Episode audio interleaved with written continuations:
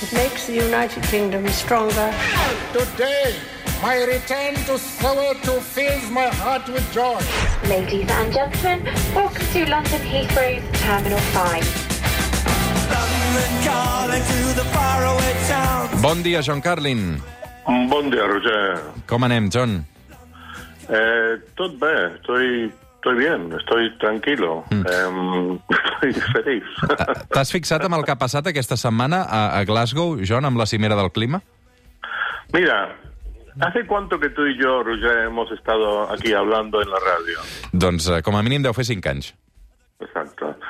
Entonces, eh, en todo este tiempo jamás hemos hablado de cambio climático y yo de los miles de artículos que he escrito en mi vida, jamás he escrito sobre cambio climático, por el simple hecho de que no entiendo la, la ciencia, no conozco el tema y no me no, no, es, no es algo en lo que me he volcado. Tú sabes que yo me, me, vuelco en muchos, muchos temas políticos y fútbol, por supuesto, y me indigno, pero esto me ha dejado, no sé, digamos, el, el calentamiento global me ha dejado frío.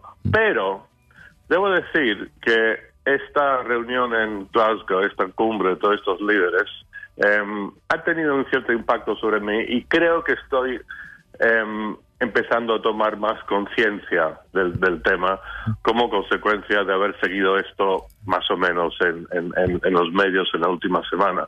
Con lo cual, eh, por más que las Greta Thunberg y compañía critiquen eh, esta cumbre em, y que sí, el tema de los jets privados y todo esto, yo creo que si en alguien como yo, que, que, que, que no, como digo, no se ha volcado mucho el tema, que yo de repente estoy tomando más conciencia de ello y quizá piense, no sé, cambiar mis eh, comportamientos de cierto modo en función de esto, pues eso es bueno. Me imagino que no seré el único que, que, que está tomando más conciencia y en ese sentido, quizá en este sentido sea donde realmente resida el valor de esta reunión de, de- de líderes mundiales para hablar sobre el tema. Què vol dir que ha tingut, eh, ha deixat més impacte en tu? Um, és a dir, això que, que, que ara has pres consciència, perquè clar, és evident que el canvi climàtic, eh, um, les accions individuals són molt importants, però eh, en aquesta cimera eh, el que es pretén és arribar a acords eh, mundials perquè les grans potències econòmiques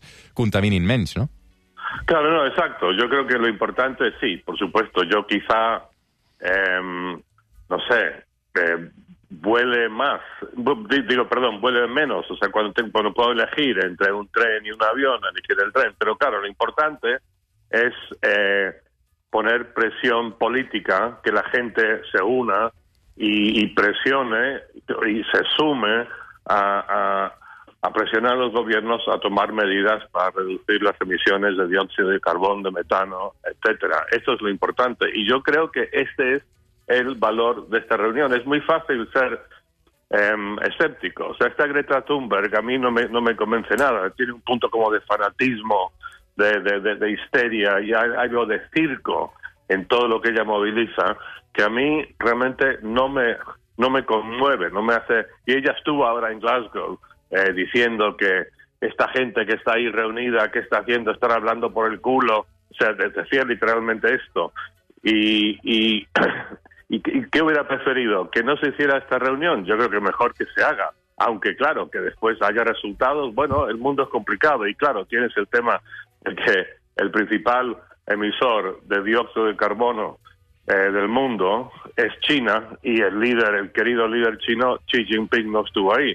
Es complicado el tema, pero em, el hecho de que se reúnen y que, y que lo están tomando en serio, eh, bueno, yo creo que es hay que agradecerlo en vez de simplemente criticarlo y decirle, digo, esa actitud Greta Thunberg somos nosotros, nosotros somos los dueños de esta causa y los políticos no debéis intervenir, o sea, es absurdo.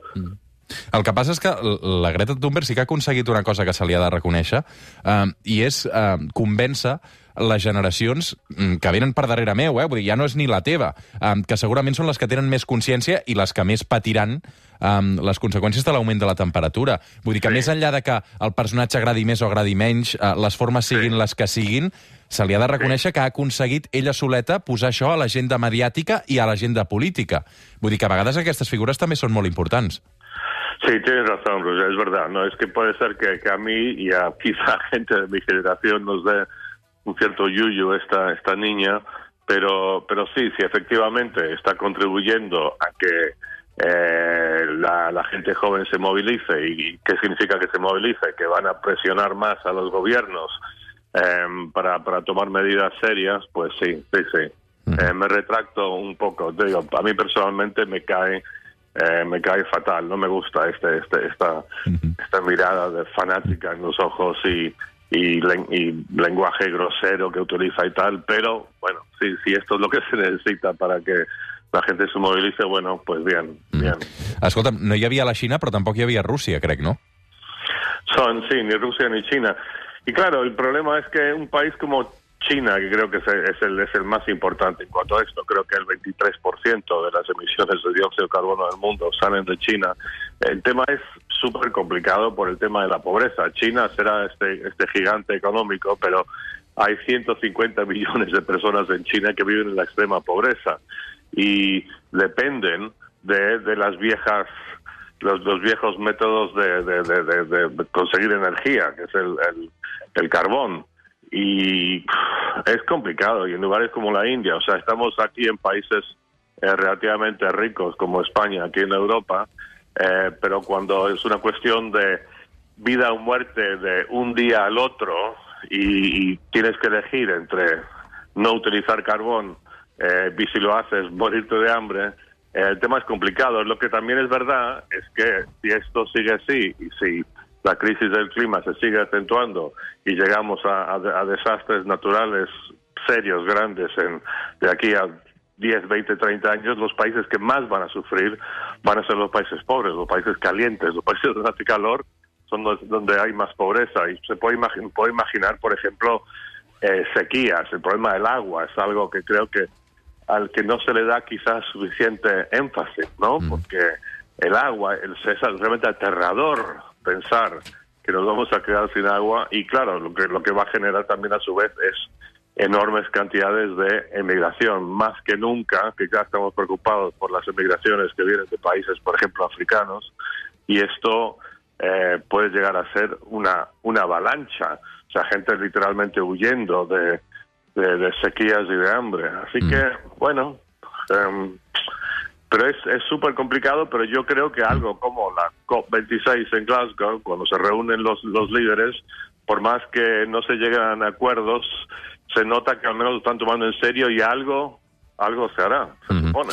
John Carlin, una abraçada, bon dissabte. Un abrazo, Roger.